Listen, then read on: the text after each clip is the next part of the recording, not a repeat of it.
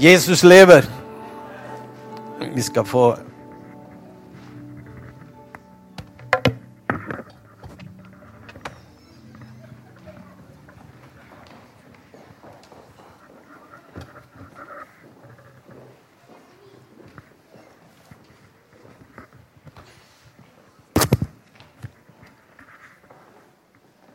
Kan jeg få litt mer lys? Så jeg ser folket litt bedre. Jesus lever. Godt å se dere. Jeg blir veldig glad når jeg ser denne forsamlingen her. Det forstår dere sikkert godt. At gjennom mange, mange, mange år så fikk jeg den glede å være hovedpastor. Og eh, når jeg ser den forsamlingen som er her i dag, og så fint vær ute, da er det jo et under. Takk for at dere kom. Takk for at dere kom for å høre Guds ord. Og så takk for at dere kom for å høre meg. Påske er en fantastisk dag for oss som kristne. Det er vel ingenting som kan måle seg i eh, alt som har med evangeliet å gjøre i forhold til påsken. Påsken er nøkkelen i hele Guds frelsesverk. Vi skal få opp det første bildet allerede. Se om det funker her nå. Yes. Og vi skal lese sammen her. For først, frem, for først og fremst overga jeg dere det jeg selv har tatt imot av, av Jesus, at Jesus døde for våre synder etter Skriftene. At han ble begravet, at han sto opp på den tredje dag etter Skriftene. At han viste seg for Peter, altså Kefas, og deretter av de tolv. Dette som du ser her oppe nå, det er testamentet som ble overgitt til de troende etter Jesus av Paulus. Dette er grunnlaget for din tro. Det er dette du må tro for å kunne bekjenne deg som en kristen. Du må tro at Jesus døde etter Skriftene.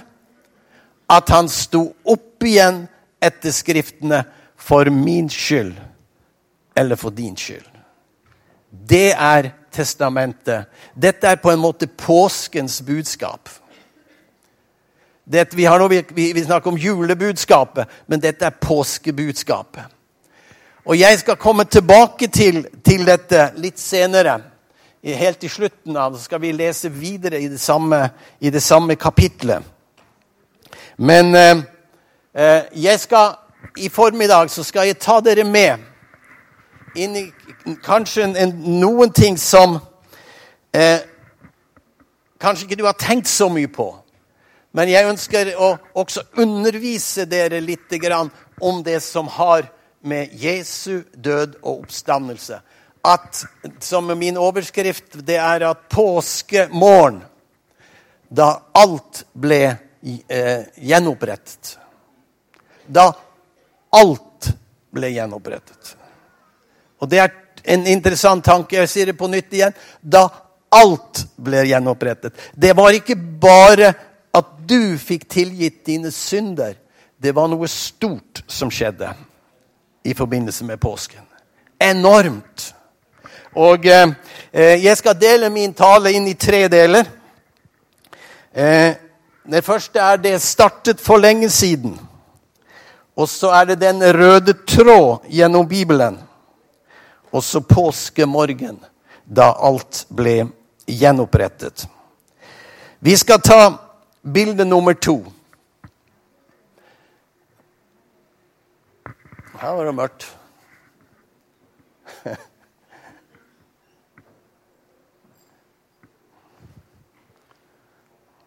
Kan jeg få vi Er det, er det røyken, eller, eller er det ikke oppstandelsen som har skjedd ennå?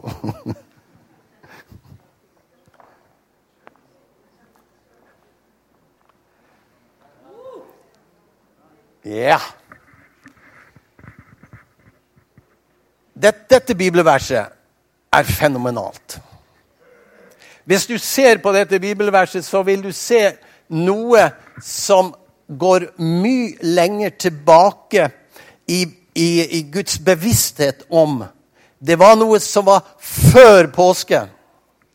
Det var noe som var før Moses.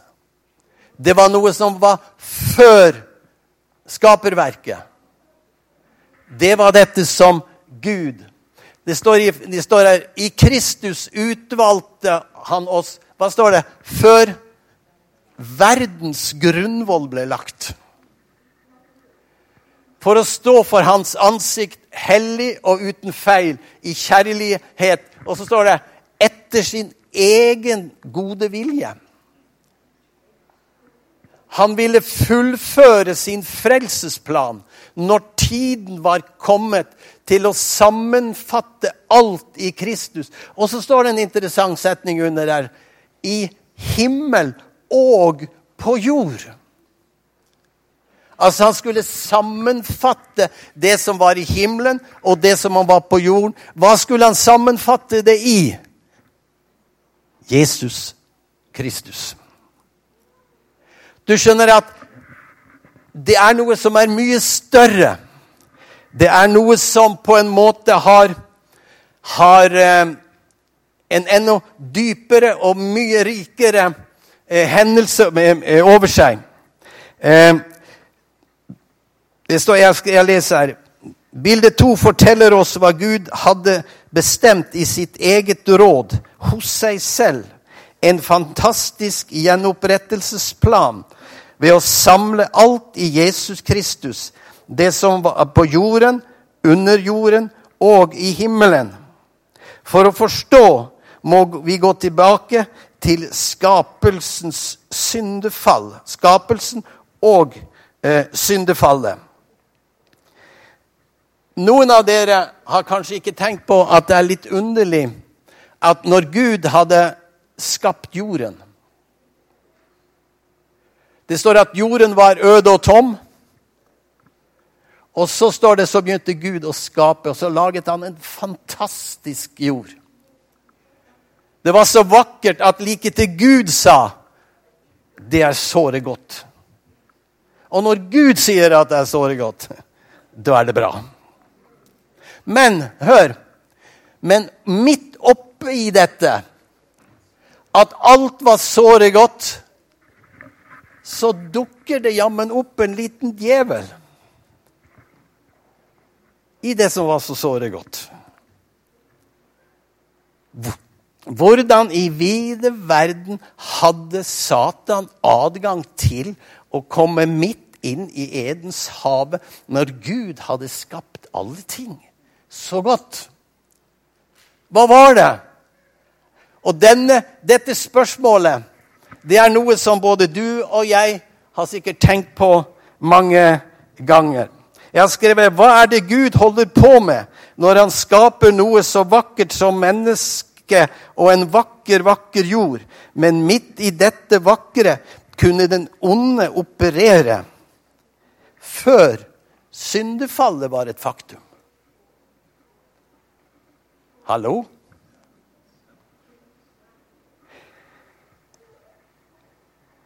Gud hadde startet en gjenopprettelse som var mye større enn at du og jeg skulle få våre synder tilgitt. Det var noe mer som måtte gjøre. Vi skal se bilde nummer tre. Så brøt det ut en krig i himmelen. Mikael og de englene som var under hans kommando, gikk til krig mot dragen, som også kalles for Satan, og englene hans. Dragen tapte slaget, og hans, han og englene ble presset ut av himmelen. Den store dragen, den gamle slangen, ble kastet ned på jorden sammen med alle sine engler. Så har du et to bibelvers som bekrefter det som skjedde. Jesus sier ved, et tilfelle Jeg så Satan falle ned fra himmelen. Det er i en tilfelle hvor uh, disiplene kommer tilbake og sier enda de onde ånder er oss lydige. Så sier Jesus ja, jeg så det for lenge siden den dagen han falt ned fra himmelen. Han ble kastet ut av himmelen. Så jeg vet at demonene er her. Det er det han egentlig sier. Og så sier han noe interessant. Så sier han, mens han erget semane mange har sett en stein på bildet som han ligger ved siden av ikke sant, når han ber. Gammelt, gammelt bilde. Og i dette der, så, i bønnen, så sier han noe interessant. Nå skal det holdes dom over denne verden. Og hva sier han? Nå skal denne verdens fyrste Hva skal han gjøre med han nå? Han skal Han skal han skal kastes ut. Ut fra hva? Det er akkurat det som står der. Jesus kaller han for denne verdens fyrste. Det står flere steder i Bibelen. Paulus snakker om det, og Jesus snakker om denne verden. Det ser ut som at i denne situasjonen, når krigen var i himmelen, så ble djevelen og hans engler kastet ned på jorden, og jorden ble et, et, en, en arena for den onde. Og derfor så er det onde kommet så inn i verden. Derfor på en måte så har den onde en, en viss autoritet, en viss makt. Men jeg tror at alt dette som vi snakker om her nå, det er, det er en tanke i Gud at han skal gjenopprette himmelen. Og du og jeg Hør nå godt etter.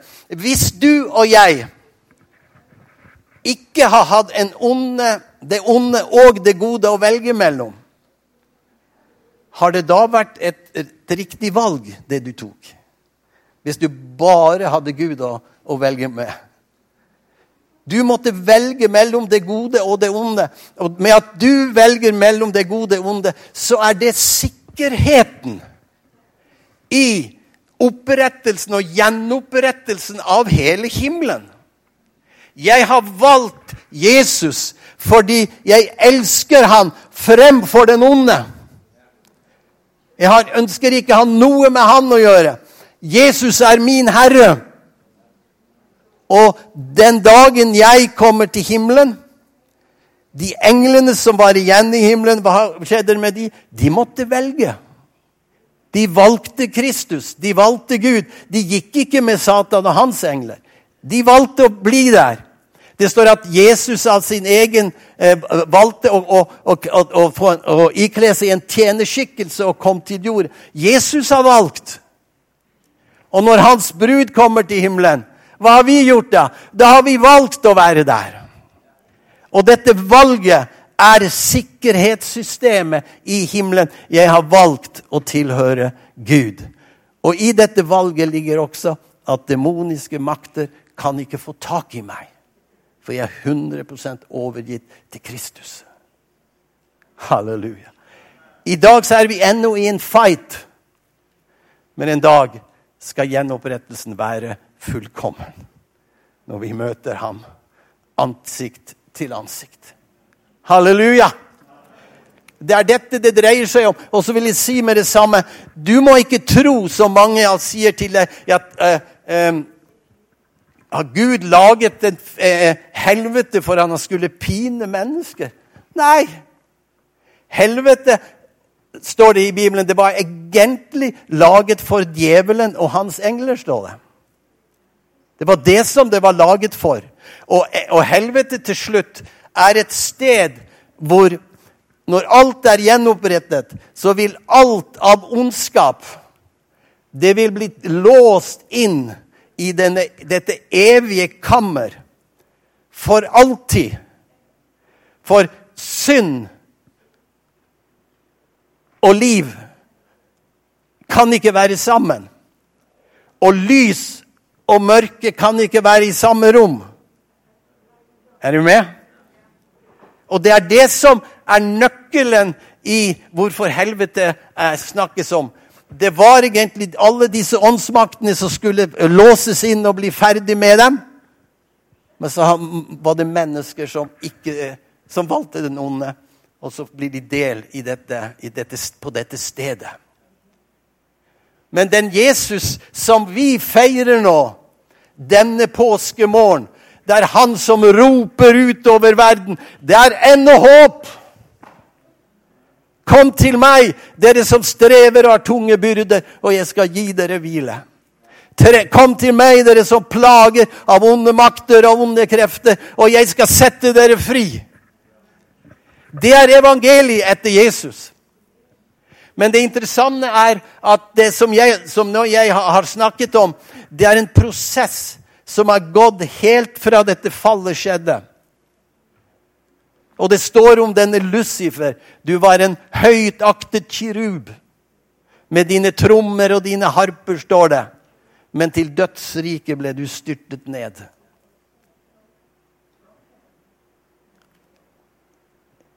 Du og jeg,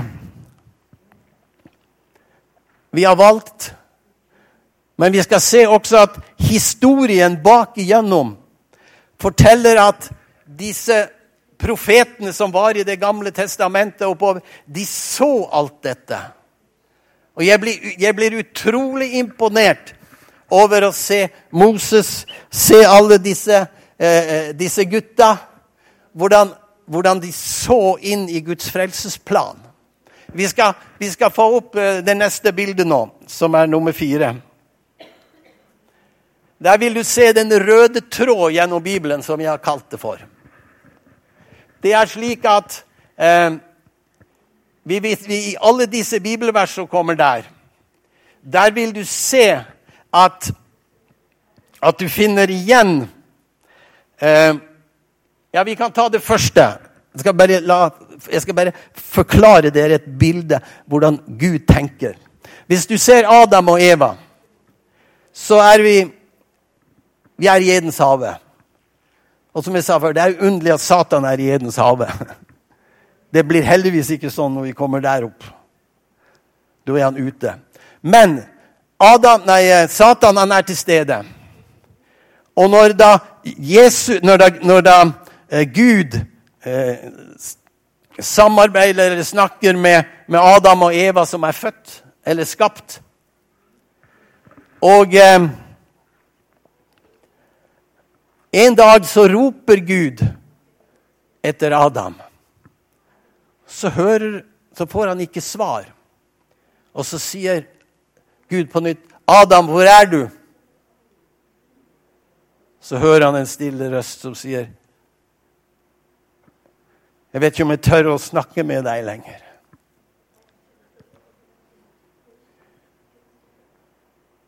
Så sier Gud til Adam du har vel ikke vært i kontakt med Satan som er her? Så sier han, han overlistet meg. Og så oppdaget jeg at jeg var naken. For Gud sier, 'Hvem har sagt deg at du er naken?' Er det djevelen som har sagt det til deg? Her ser vi en interessant situasjon som kommer. Han oppdager, han oppdager plutselig at han, han, eier, han, eier, skam. Han får en skamfølelse. Og da er det noe interessant som skjer. Det første mennesket prøver med en gang, hva er det? Jo, det er å få tak i noe fikenblad. Det er jo veldig kjent, disse fikenbladene med Adam og Eva. ikke sant? De har dem rundt seg. De prøver selv å kunne gjøre noe med nakenheten sin. Men du skjønner at her kommer bildet inn som vi snakker om. Det er, det er, det er Gud ved sin sønn, som dere ser i den røde tråden, som, som er slaktoffer hele tiden. Her vil du se at, at hvis Adam og Eva prøvde med fikenblad å hjelpe seg selv, så holdt det ikke. Derfor så står det Gud at han slaktet et lam, eller slaktet en sau og så lagde han noen klær til dem. Du skjønner, du får aldri skammen bort fra livet ditt med å prøve å gjøre noe med det selv. Du må oppleve at han er den som tar skammen fra deg. Det er logikken i dette. Det, det alltid når det snakkes om Gud og det han gjør, så er det noe, noe han må gjøre utenom oss, som blir til vår velsignelse. Jeg klarer ikke det selv, men det er han som makter det for. Det er han som gjør det for oss. Se neste der. Kain og Abel. Og der vil du se akkurat samme. Det står til at disse to de laget to, eh, to ofringer. Eh, Kain han, eh, han ofret noe av seg selv som han hadde laget til. Abel han ofret et lam. Og hvilken, hva var det det Gud godkjente? Det var lammet. Samme tanke, samme grunn, grunnholdning. Gud Vi må aldri tro at vi kan bli frelst av oss selv, av gode gjerninger, følge loven osv. osv. Vi, vi kan bare komme inn i Guds rike ved å tro på Han som ga Sønnen til vår rettferdighet. Lammet. Så kunne vi gått igjennom Jeg skal ta Abraham og Isak. Det kan ikke gå gjennom hele den rekka der. Men dere kan lese noe av det når dere kommer hjem. Men se Abraham og Isak. Den syns jeg er fantastisk. Og hør, Hvorfor tar jeg dette med? Jo, for at jeg leste fra det, første bildet vi hadde. Der står det at efterskriftene. Jesus Kristus døde efterskriftene. Her vil du se de skriftene. Paulus han, han kunne alt dette. Han hadde, leste Mosebøkene, han kjente alt dette. Så når, å, når dette begynte å skje med Jesus, så sier han ja, dette er jo etter Skriftene. Denne Jesus er jo, det, det, er jo, det er jo Jesus det snakker om. Det er jo offerlammet det snakkes om. Slik begynner eh, Paulus å tenke. Derfor så sier han ja, det er etter Skriftene. Og hvis, hvis vi tar det eh, eh, eh, Nå glemte jeg eh, Abraham og Isak. Vi tar Abraham. Han sier en dag 'Jeg går bort og, og skal gjøre et offer'. Så tar han sønnen sin Isak med, og så han Eh, så better han veden på skuldrene til Isak. Så går de oppover. Og så skal dere, Når dere leser i Bibelen der, så se hva det står. Så står det da, det kom, da de kom til den tredje dagen, så Abraham offerstedet. Hvilken dag sto Jesus opp på? På den tredje dag. Der opplevde altså Abraham. Men Abraham han skulle da ofre sønnen sin, for Gud hadde sagt til ham. Gud på en måte prøvde å få Abraham til å forstå dette store som skulle skje. Men hør, når alt kom til alt, så var det ikke nok at hans sønn ble ofret. Det har aldri blitt nok uansett. Derfor, så, når han sammen skal ta kniven, så sier Gud, gjør ikke det. Og hva så han? Han så et lam som sto i kjerrene i, i, i buskekrattet. Og som en gang forsto han. Aha! Skal, Gud skal ofre sin sønn. Og så står det noe interessant der. Da står det Abraham skuet Du som er bibelkjent. Abraham skuet Herrens dag. Og hva står det om han? Og det ble regnet han til rettferdighet. Tenk på det! Den tredje dag kom han til stedet hvor han skulle ha ofringene. La oss kalle det for Golgata-høyen. Noen mener jo at det offerstedet der ligger midt i Jerusalem. Og når han da ofrer lammet, så forstår han hele denne grunnsannheten. Og sannheten var at det måtte noe utenfra til. Han kunne ikke, det kunne ikke være noe av hans eget. Det kunne ikke være noe av hans egne handlinger. Det måtte være noe utenfor. For hvis Abraham hadde prøvd å ofret sønnen sin, hva hadde han da skjedd? Da hadde han dratt med seg det som arvesynden i Isak. Og den kunne ikke komme til himmelen. Men der var noe utenom som var fullkomment rent. Og det var Jesus Kristus når han døde på korset. Så dette ser du, som Paulus sier, etterskriftene. Vi skal, vi skal gå gjennom eh, disse tingene. Jeg skal bare lese en eh, eh jeg, skal, jeg skal bare lese én ting, og det er David når han skrur inn i dette. Skal vi se, hvor lenge har jeg holdt på nå? Tolv Ja, ikke så verst. har litt igjen. Se her. Nå skal jeg lese noe til dere. Det er David som, som eh, har sett noe. Husk på at David han hadde aldri hørt om korsfestelse. Han hadde aldri, aldri, Den romerske korsfestelsen har aldri vært i skriftene, nei, vært i historien noen gang. Men hør, se når jeg, hør når jeg leser hvor utrolig nært den romerske, romerske korsfestelse beskrives. Hør her. Han begynner med og så kan du spørre skjedde dette i Golgata-høyden, det som han skriver. Husk, han, han har ikke tatt det fra Nytestamentet, eh, David. Han har fått det ved ånden for mange hundre år før Kristus. Det første er Min Gud, min Gud, hvorfor har du forlatt meg? En noen oss hørte det uttrykket før. Jesus på korset sa det. Alle ser på meg, de spotter meg. La han komme og utfri dersom han har behag i ham. Men tungen henger fast i hans gane. De gjennomborer mine hender og mine føtter. Jeg kan telle alle mine ben. De deler mine klær mellom seg. De kaster lodd om min kjortel. Har dere sett noen, av disse Jesus-filmene? Jeg ser dere alt. Skulle tro at det var David som hadde laget filmen. Fantastisk. Fantastisk. Og Jesaja 3 og, og 50 eh, følger også dette opp. Han er såret for våre overtredelser.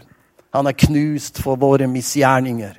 Straffen ble lagt på ham for at vi skulle ha fred, og ved hans sår har fått, vi fått legedom. Det er profetiske hilsener som var kommet mange hundre år før Jesus. Halleluja. Og det er han som vi dyrker, denne Jesus fra Nasaret. Det står at de skuet han langt borte.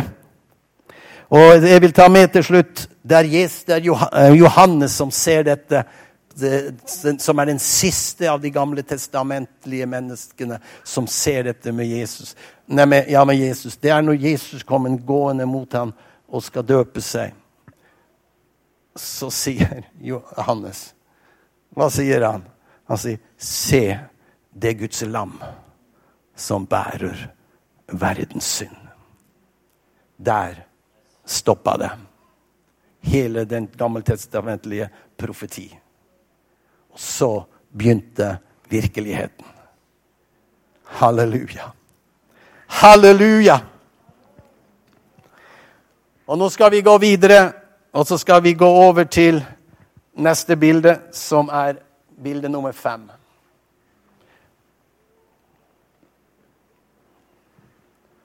Jeg får noen minutter til. Vi er nå Dette er Johannes. Han er ute på øyen Patmos, en av disiplene. Han er den eneste igjen av alle disipler etter Jesus. Alle disiplene utenom Jesus ble drept. De ble halshugget, de ble pint i hjel, de ble korsfestet osv. osv. Og så er det Johannes. Han er forvist til eh, øen Patmos. De mener at han var pastor i E- Efesus. Men så det, mente de at han måtte bort. Og hør her. Her får Johannes et syn. Og da er det 50 år siden han hadde møtt Jesus. Siden han har vært sammen med Jesus. Han er forført. Ikke forført, men han er, han er ført dit, dit ute. Jeg snudde meg for å så hvem som talte til meg. Og da jeg snudde meg, så jeg syv lysestaker av gull, og midt mellom lysestakene en som lignet en menneskesønn. Han var kledd i en fotsid kjortel og med et belte av gull om brystet. Hodet og håret hans var hvitt som hvit ull, eller som snø. Øynene var som flammende ild. Føttene som bronse glødet i en ovn, og røsten var som brus av veldige vannmasser. I høyre hånd holdt han sju stjerner, og fra munnen gikk det ut et skarpt, tveget sverd. Ansiktet var som solen når den skinner i all sin kraft. Da jeg så ham, falt jeg som død ned ved hans føtter. Altså, det er Johannes som gjør det. Men Jesus la sin høyre hånd på meg og sa, Frykt ikke, Johannes. Jeg er den første og den siste og den levende. Jeg var død, Johannes. Det er sant. Men se, jeg lever i all evighet. Og så står det i setning der Og jeg har nøklene til døden og dødsriket. Halleluja. Jeg syns vi må gi han en klapp, han som eh, beskriver dette. Halleluja! Jesus har alt under kontroll nå. Han har nøklene til døden og dødsriket. Alt er gjenopprettet. Men hør, det er ennå en tids, tid som må gå. Så kan du si ja, men hvordan kan Jesus ha vunnet seieren? Han har nøklene til døden og dødsriket, men samtidig er han her. Jo, det står at Satan han har fått en tilmålt tid, hvis dere forstår det uttrykket. Altså Han har fått en, en, en, en tidsepoke som han skal få lov til, og, og, det er Gud som gir han det.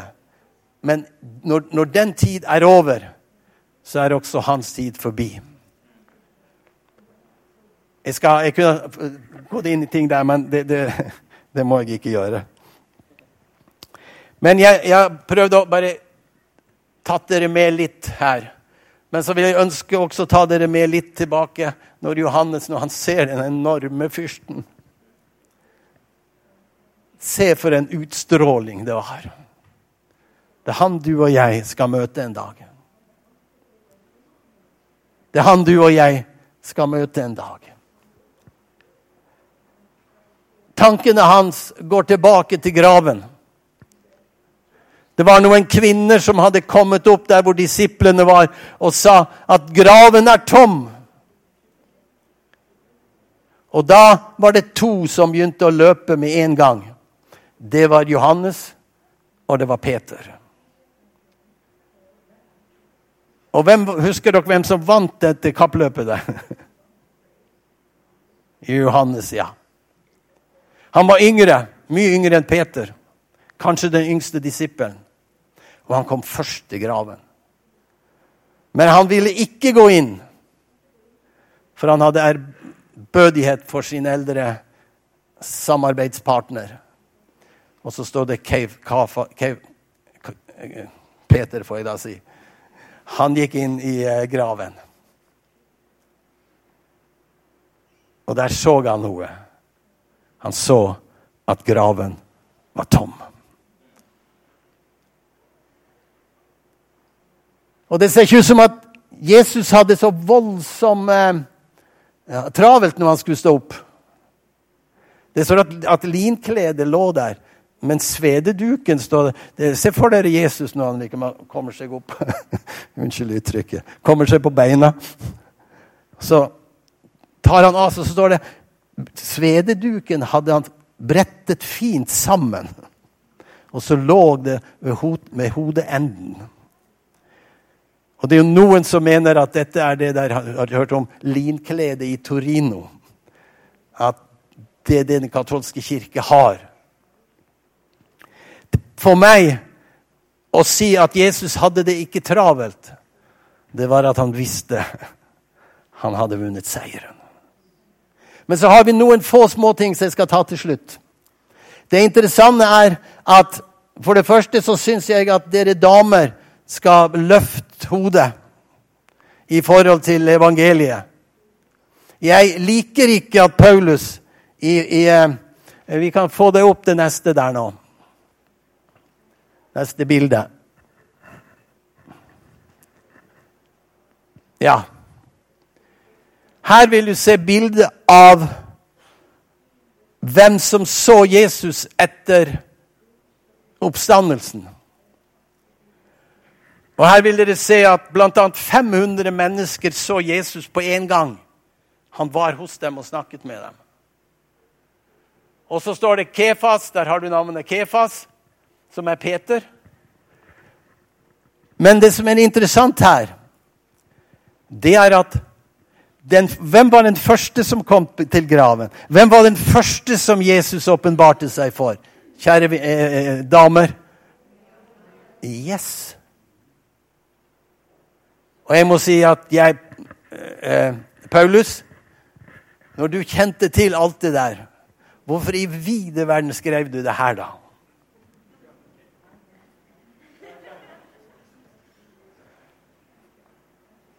Hvor finner du Maria her? Ikke et eneste sted. Som om hun ikke var i det hele tatt. Det er hun. Vet du hvorfor? Jo, for kvinnene på den tid hadde ikke vitnerett. Dette er vitnene som så ham. Men hør, hvis det var noe som ble gjenopprettet etter Jesu død og oppstandelse, hva er det, kjære jenter og damer og kvinner? Gud løftet kvinnen fram og sa, 'Du, Maria, skal være mitt første vitne.' Og hun var hovedvitne til at Jesus hadde stått opp igjen, og ikke en mann. I Jesus Kristus, som Paulus da skriver i et annet brev, i Kristus er det ingen forskjell mellom mann og kvinne. Men han kunne jo ha skrevet det her òg. For å være helt ærlig. Poenget mitt er at Jesus han ikke bare døde og sto opp, og at han på den måten, men han han satte alle ting i rette skikk. Det interessante er også at Vi skal ta det før jeg avslutter. Det står ved et tilfelle at, at Maria, når hun møter Jesus, så var hun sikkert så begeistret. Hun var sikkert så rørt og var i tårer. Og så ville hun sikkert klemme han eller noe sånt. Og så står det en interessant Da sa Jesus til Maria, 'Rør ikke borti meg.' For jeg har ennå ikke vært hos min far. Hva tror du det var nøkkelen? Hvorfor tror du han sa det? Jo, det er, det er dette at når Jesus når, når, Etter hans oppstandelse så tror jeg at ingen noe menneske måtte røre ved han. For han skulle komme til himmelen. Og så skulle han være det lyteløse lam. Jeg vet ikke hva det heter på, på, på nynorsk. På, på, på, lyteløs det betyr at det måtte ikke være noe synd. Det måtte ikke være noe i det offeret. For når, når, Jesus kom inn for Faderen, så så han på ham med sine argusøyne, med sine gjennomtrengende øyne. Så sier han her, Når laseren går nedover. Så sier han ingen synd. Dette offeret er fullkomment. Og det er det du og jeg feirer i dag. Du og jeg, vi kan komme til Kristus på grunn av at Jesus ble soningsofferet. Du og jeg skal være sammen med han i evigheters evighet. På grunn av At vi erkjenner Han som Herre, erkjenner Han som konge, er, og erkjenner Han som frelser. Jeg har blitt, bedt uh, musikerne å synge en sang som jeg er veldig glad i, som heter 'Cornerstone'. Der ser du noe av bredden i Gud, høyden i Gud og dybden i Gud. Jesus, han er vår cornerstone. God bless you. Takk skal dere ha.